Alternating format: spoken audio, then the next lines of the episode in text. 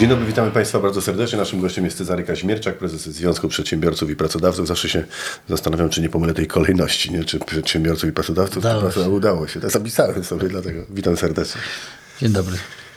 Chciałem Pana spytać o to, czy mamy już taką gospodarczą wojnę z Ukrainą, bo jak obserwujemy im sankcje, my im blokujemy gra- granice, a oni nam też chcą narzucać sankcje i chcą nam, no nie zablokować granice, ale chcą nam narzu- narzucać sankcje na pewne nasze towary. My jesteśmy chyba w lepszej pozycji negocjacyjnej, bo jak im zamkniemy granicę, to zamkniemy im granicę przede wszystkim dla broni. Czy my powinniśmy ten, e, tę naszą pozycję no, wykorzystywać, czy powinniśmy działać e, z pozycji siły? Wydaje się to wątpliwe. Jak wygląda sytuacja na dzisiaj? Z takiego scenariusza, żeby zamykać granice dla broni, to w ogóle nie istnieje. Ja myślę, Oby, oby, oby, No, nie, oby. Nikt nie- nie brał pod uwagę. No nie, nie, to jest nierealne zupełnie. Znaczy, sprawa, sprawa dotycząca tego e, konfliktu o zboże, to ona też e, inaczej wygląda z perspektywy polskiej, a inaczej z perspektywy ukraińskiej. E, Proszę pamiętać, że e, jednak e, import e, zboża e, ukraińskiego do Polski, tranzyt tego zboża, to jest nasz interes, a nie ich. E, głównie. Jeżeli chodzi o 2022 rok, to łącznie. Teraz chce pan powiedzieć, że nam się to opłaca? Oczywiście, że tak. E, No, rolnicy są innego zdania. E, No, możemy oczywiście promować rzęcie nawet sierpem zboża i kopanie motyką kartofli, tylko, tylko mówimy o dwóch różnych rzeczach, żebyśmy się nie, nie mylili gatunków literackich. Na razie mówimy o tranzycie zboża i handle zboża ukraińskim. Więc e, całokształt i importu, i, i e, tranzytu zboża w 2020 roku to jest 11% ukraińskiego eksportu zboża, więc z ich punktu widzenia to nie wygląda tak jak z naszego, że my tu, o Boże święty, co my tutaj tej Ukrainie robimy. Z 11%. Tylko 11% idzie przez Polskę i my nie jesteśmy w stanie szachować tym w żaden sposób Ukrainy, E, bo, bo to nie jest wolumen, oczywiście istotny, e, wolumen 10%, e, ale oni sobie to sprzedadzą innymi kanałami i przez inne kraje, które oficjalnie może tak dużo nie krzyczą, ale szuruburu wszelkiego rodzaju interesy robią. Więc y, to, co Polska powinna robić, a nie, nie robi, a ma historyczną szansę w moim przekonaniu, y, no to rząd powinien, czy Polska powinna zebrać y, te, te wszystkie firmy, ustalić te warunki krytyczne. po, powoli, zanim przejdziemy do tego, co powinniśmy robić do naszych, sz- do naszych szans, to e, jak wygląda sytuacja ze zbożem? To znaczy, gdzie popełniliśmy błędy? Bo były minister rolnictwa zaczął mówić naszym rolnikom, nie sprzedawajcie tego zboża, ono będzie droższe. Pomylił się, no ale rolnicy nie musieli mu wierzyć, no bo to jest jakby osoba, która może mieć rację, a może nie mieć racji. Jeżeli chodzi o Połowa, y, przewidywanie przyszłości, to Są trzy czynniki główne dotyczące to, co się stało z tym zbożem. Pierwsze to pewne takie przymykanie oka na fali tej ogólnej e, pomocy dla Ukrainy. Druga, przymykanie oka na transport do Polski, na wprowadzanie tak, do Polski. no, na, na normy i tak dalej. i tak Zboża dalej. technicznego nie ma, to się dowiedziałem. Tak, tak, nie tak, istnieje coś takiego. Więc e, przymykanie na normy jakościowe, na różnego rodzaju rzeczy to jest jeden e, element. Drugi element to jest działanie oszustów po stronie polskiej i ukraińskiej, którzy, e, którzy te zboże niby prowadzili na tranzyt, a wprowadzali je do polskiego obrotu i jakościowo one też były. I to są po prostu normalne grupy przestępcze, e, które się natychmiast orientują w takich interesach. Ci ludzie mają jakieś inne mózgi i warto by było może z nimi coś robić w polityce międzynarodowej, bo oni natychmiast jakieś takie okazje widzą szansę wszędzie i się... Zamiast ich, zamiast ich wsadzać, to trzeba ich wykorzystać. Tak, trzeba ich wykorzystać, bo oni natychmiast jakieś paliwa, coś się pojawia, już nagle paliwami handlują, jutro rzepakiem, po, czy, Pojutrze zbożem. E, To jest, e, e, to jest drugi, drugi powód tego zamieszania. I przyglądaliśmy się temu, e, to sobie, to sobie szło. No a trzeci powód to jest taki, że w 2022 roku e, polscy rolnicy strasznie zarobili na tym zbożu i pojawiło się takie oczekiwanie, że, Że zarobią jeszcze więcej w 2020. że tak, że w 2023 zarobią jeszcze więcej, a ceny dość istotnie spadły. I to nie z tego tylko powodu, że tutaj się pojawiło te, te, te zboże ukraińskie, bo to jest, jak mówię, 10% 11% dokładnie i 30 eksportu ukraińskiego zboża to i przez Polskę jako import i jako tranzyt. E, tylko pojawiło się oczekiwanie, no ten 20, 2020 rok to pan zbożowy po prostu tak to pięknie wojna wybuchła i ja tutaj cudownie zarabiam sobie, a w 23 roku sytuacja się trochę znormalizowała i te ceny po prostu spadły i te y, dlaczego one spadły? Się. Słyszałem jeszcze rok Zawsze temu, jest to samo. Prawo podaży i popytu. ale rok temu jeszcze słyszałem, że będzie głodować cała Afryka, Tak, że nie będzie jedzenia też dla południa Europy, że e, chleb będzie kosztował, ten chleb za 30 zł on się znikąd, znikąd się nie wziął, się wziął między innymi stąd. Nie będzie tego ziarni. Wszyscy w zasadzie jak mantrę powtarzaliśmy, czy media powtarzały te, te frazy i okazało się, okazuje się teraz nagle, że tego zboża jakby jest za dużo, nie? że nie ma z nim co zrobić, że, nie ma, że mam kłopot, żeby, go, żeby je przepakować i wsadzić na statki. Niech żyje spekulacja. Niech żyje spekulacja. Jak to się stało? Czy to, czy to jakiś zamierzony zamiar tych ludzi, którzy e, No, ci ludzie, którzy zarabiali na tych wysokich cenach zboży, na pewno ale to chyba- podgrzewali atmosferę. Chyba nie, nie włączymy w to byłego ministra rolnictwa, który zapowiadał, żeby e, nie sprzedawać jeszcze tego zboża, nie? Znaczy, no ja jestem akurat dobrego zdania o byłym ministrze y, rolnictwa, zachowywał się racjonalnie y, w moim przekonaniu. Y, Znaczy, Polska musi się zdecydować na jakiś model rolnictwa, jaki chce mieć. Tak? Jeżeli Polska chce mieć model rolnictwa, który w tej chwili jest preferowany, to się skończy to katastrofą. Tak? To znaczy małe gospodarstwa rolne, tak? No tak, mówisz. znaczy możemy, jedyny, Polska ma do wyboru, albo zbankrutuje polskie rolnictwo, to jest pierwsze, bo? E, bo, to jest, y, bo Jest są niewydolne, niekonkurencyjne, niekonkurencyjne, nie, inno- niekonkurencyjne, nie ma efektu skali i tak dalej, i tak dalej. I nie jest w stanie konkurować y, choćby z rolnictwem ukraińskim. E, Z uwagi, że mają czarnoziemy, zachodnie technologie, tanią siłę roboczą, nie mają kultury Wielkie agrarnej, efekt skali, nie mają kultury agrarnej, którą zdobędą za jakiś czas. I Polska ma albo tkwić w tym modelu, który zbankrutuje, bo to, że Polska nie wpuści jakiegoś zboża, to po pierwsze, że to jest niewiele w, w skali ukraińskiej, po drugie, ono którędy indziej wyjedzie. Życie nie znosi próżni i nas zaatakuje na innych rynkach, tak samo jak produkty rolne zaatakuje. Albo y, przestać y, żyć przeszłością i po prostu stworzyć warunki do powstawania wielkich y, przedsiębiorstw rolnych, dużych przedsiębiorstw rolnych i drugie jakieś tam 10-15% produkcja wysoko, jako, bardzo wysokojakościowej żywności, które możemy za duże pieniądze sprzedać, bo same płody rolne no to są bardzo niskomarżowe rzeczy. I tutaj wchodzi w grę przetwórstwo i tu też rząd powinien zadziałać yy, w sensie takim, że zgromadzić te firmy, yy, które zajmują się przetwarzaniem żywności, w czym jesteśmy nieźli sporo eksportujemy i tak dalej, i tak dalej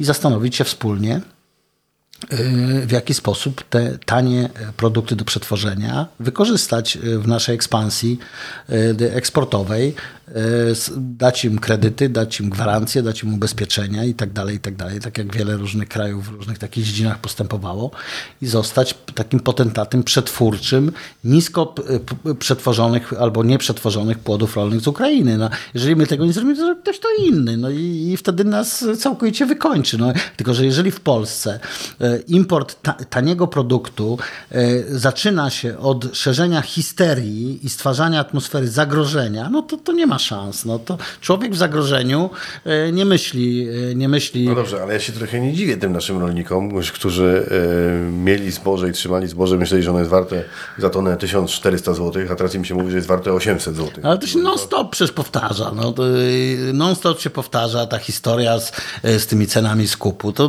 to jest never ending story, odkąd istnieje chyba ludzkość. Znaczy, bardzo szybko się przyzwyczajają do tych wysokich cen, które są na, jak jest górka i potem nie są w stanie e, emocjonalnie znieść, że ta cena spada, a ona będzie wzrastała i spadała, wzrastała i spadała. I, Interesuje mnie też ten mechanizm, który się natychmiast pojawia, jeżeli chodzi o Prawo i Sprawiedliwość. Prawo i Sprawiedliwość mówi tak, trzeba rolnikom dołożyć pieniądze, żeby nie byli stratni. Teraz tak, zastanawiam się, ja mówię, to jest sprawiedliwe społecznie, bo trzeba dołożyć pieniądze, ale z drugiej strony myślę sobie tak, jak ktoś prowadzi normalny biznes i mu ten biznes nie idzie i ma straty, no to on ponosi straty i państwo nie biegnie do niego i mówi, słuchaj, ci teraz dołożymy do produktu, żebyś był na zero, bo tak to by nie bankrutowały różne pizzerie, czy nie wiem, bankrutowały... jakiś skup interwencyjny wywiadów trzeba było Na przykład, tak. No więc zastanawiam się, nagle skąd się biorą te pieniądze? Te 5 miliardów, które ma nam być, które ma, to skąd się biorą te pieniądze? Nie było tych pieniędzy.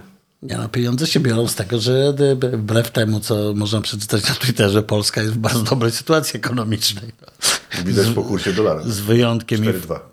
No 4-2, no ale od początku wojny tam nawet w szczytowym Było okresie. 4-6. No ale w szczytowym okresie to był wzrost ceny waluty o, o 10% w sytuacji, gdy masz wojnę za granicą. To, to w ogóle nikt, kto się spodziewał, że to o 10%? Ja myślałem, że to dużo więcej.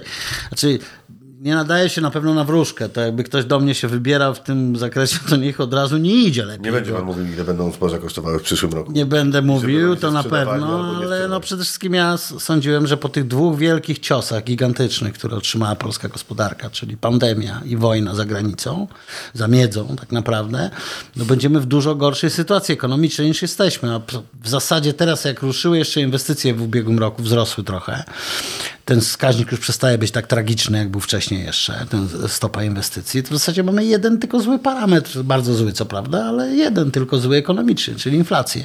Wszystkie inne welcome, każdy by sobie życzył i takiego bezrobocia, i takiego wzrostu gospodarczego, e, takiej produkcji Dobrze, przemysłowej. tylko ja mówię też o czymś innym. Mówię o tym, że e, rolnicy nagle stają się uprzywilejowaną grupą. A to zawsze byli, no, a poza tym są wybory, no, więc To jest zagadka. e, to jest... Rozwiązanie zagadki. Tak, e, rolnicy, górnicy co cztery lata znowu idą wybory.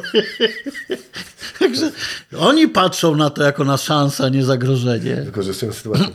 Oby ta wojna zakończyła się jak najszybciej. Nie wiadomo, kiedy się zakończy, ale jak się zakończy, ma się ku zakończeniu, miejmy nadzieję, no bo tak jak rozmawialiśmy przed programem, właściwie Rosjanie przez, te, przez, przez ten rok nie, nie poczynili żadnych e, istotnych zdobyczy, posuwa, posu, posuwają się tam kilometr albo dwa kilometry, mając olbrzymie straty.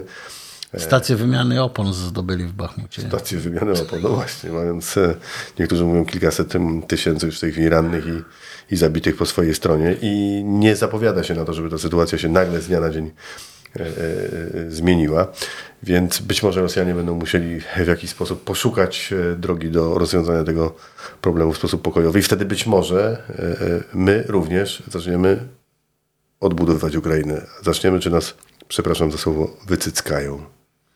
Znaczy, trudno, y, trudno. Nasza strategia narodowa i w dziedzinie gospodarczej, i w każdej innej, wywodzi się od wielkiego poety naszego, który wielkim poetą był, Adama Mickiewicza i brzmi szabel nam nie zbraknie, szlachta na koń wsiędzie, my z synowcem na przedzie i jakoś tam będzie, tak? Jakoś to będzie. Tak, Tak, tak, więc... y, Pan Tadeusz. Pan Tadeusz, e, wielkie dzieło nasze narodowe, z którym walczy mój syn teraz, to prowadzi nierówną walkę informatyk.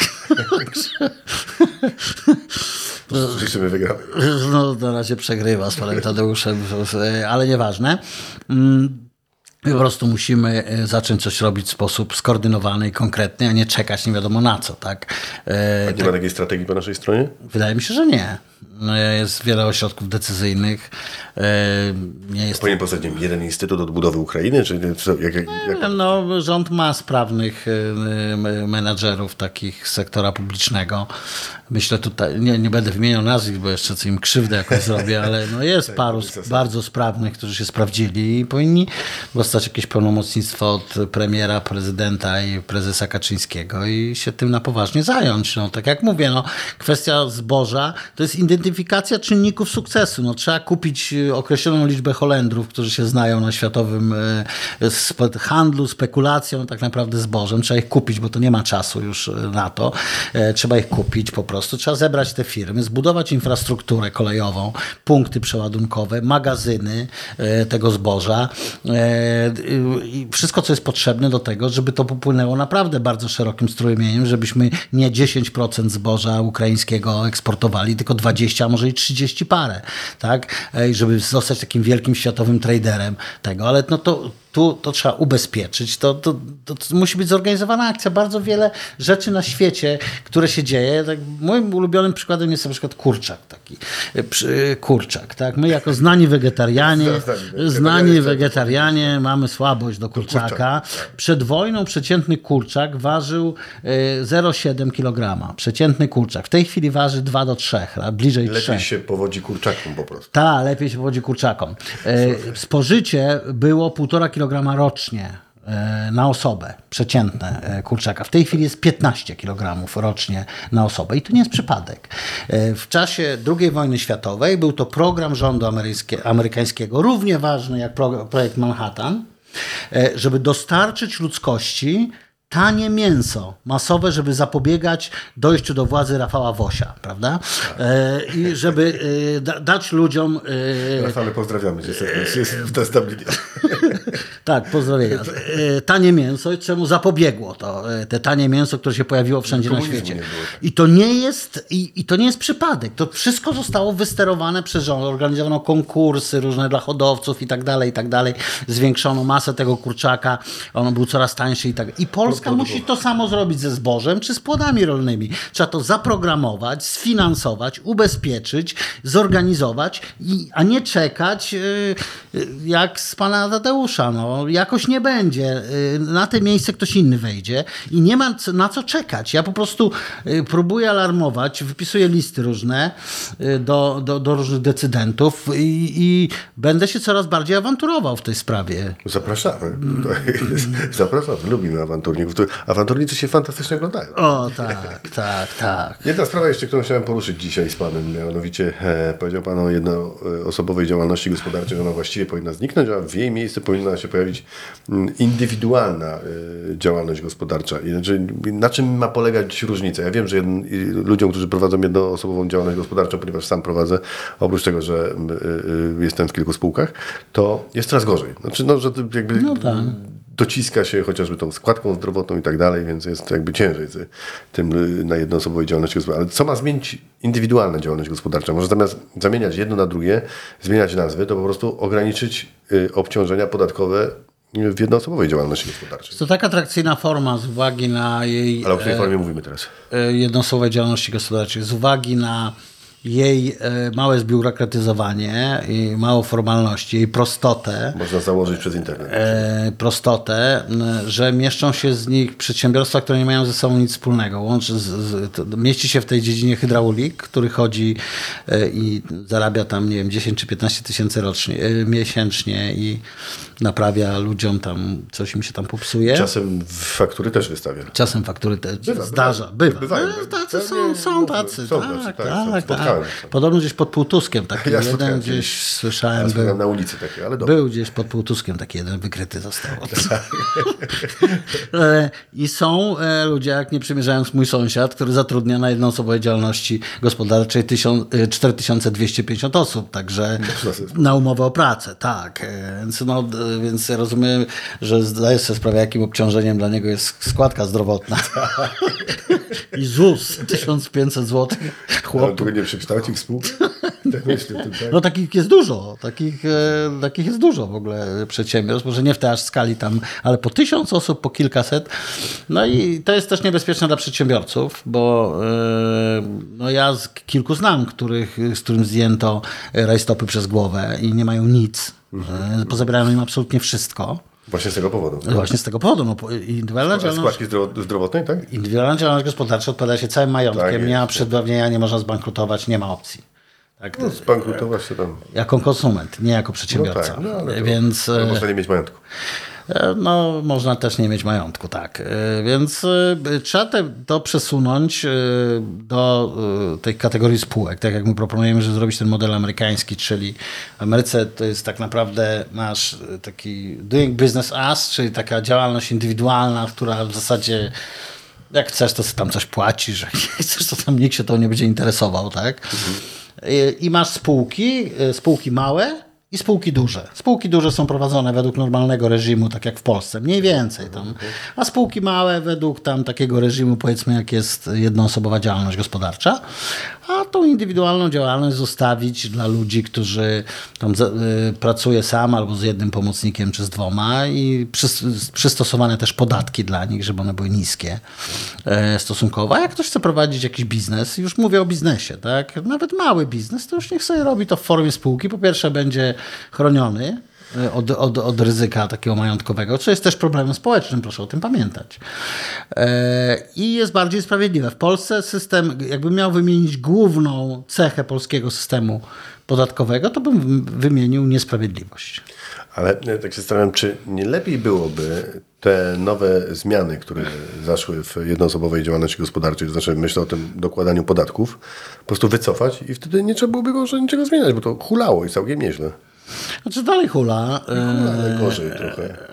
Bo się płaci wyższe podatki, jeżeli ktoś zarabia. Z danych to nie wynika Tak? ogólnych. No ale no, przedsiębiorcy są przyciskani. E, No płacą więcej e, rzeczywiście.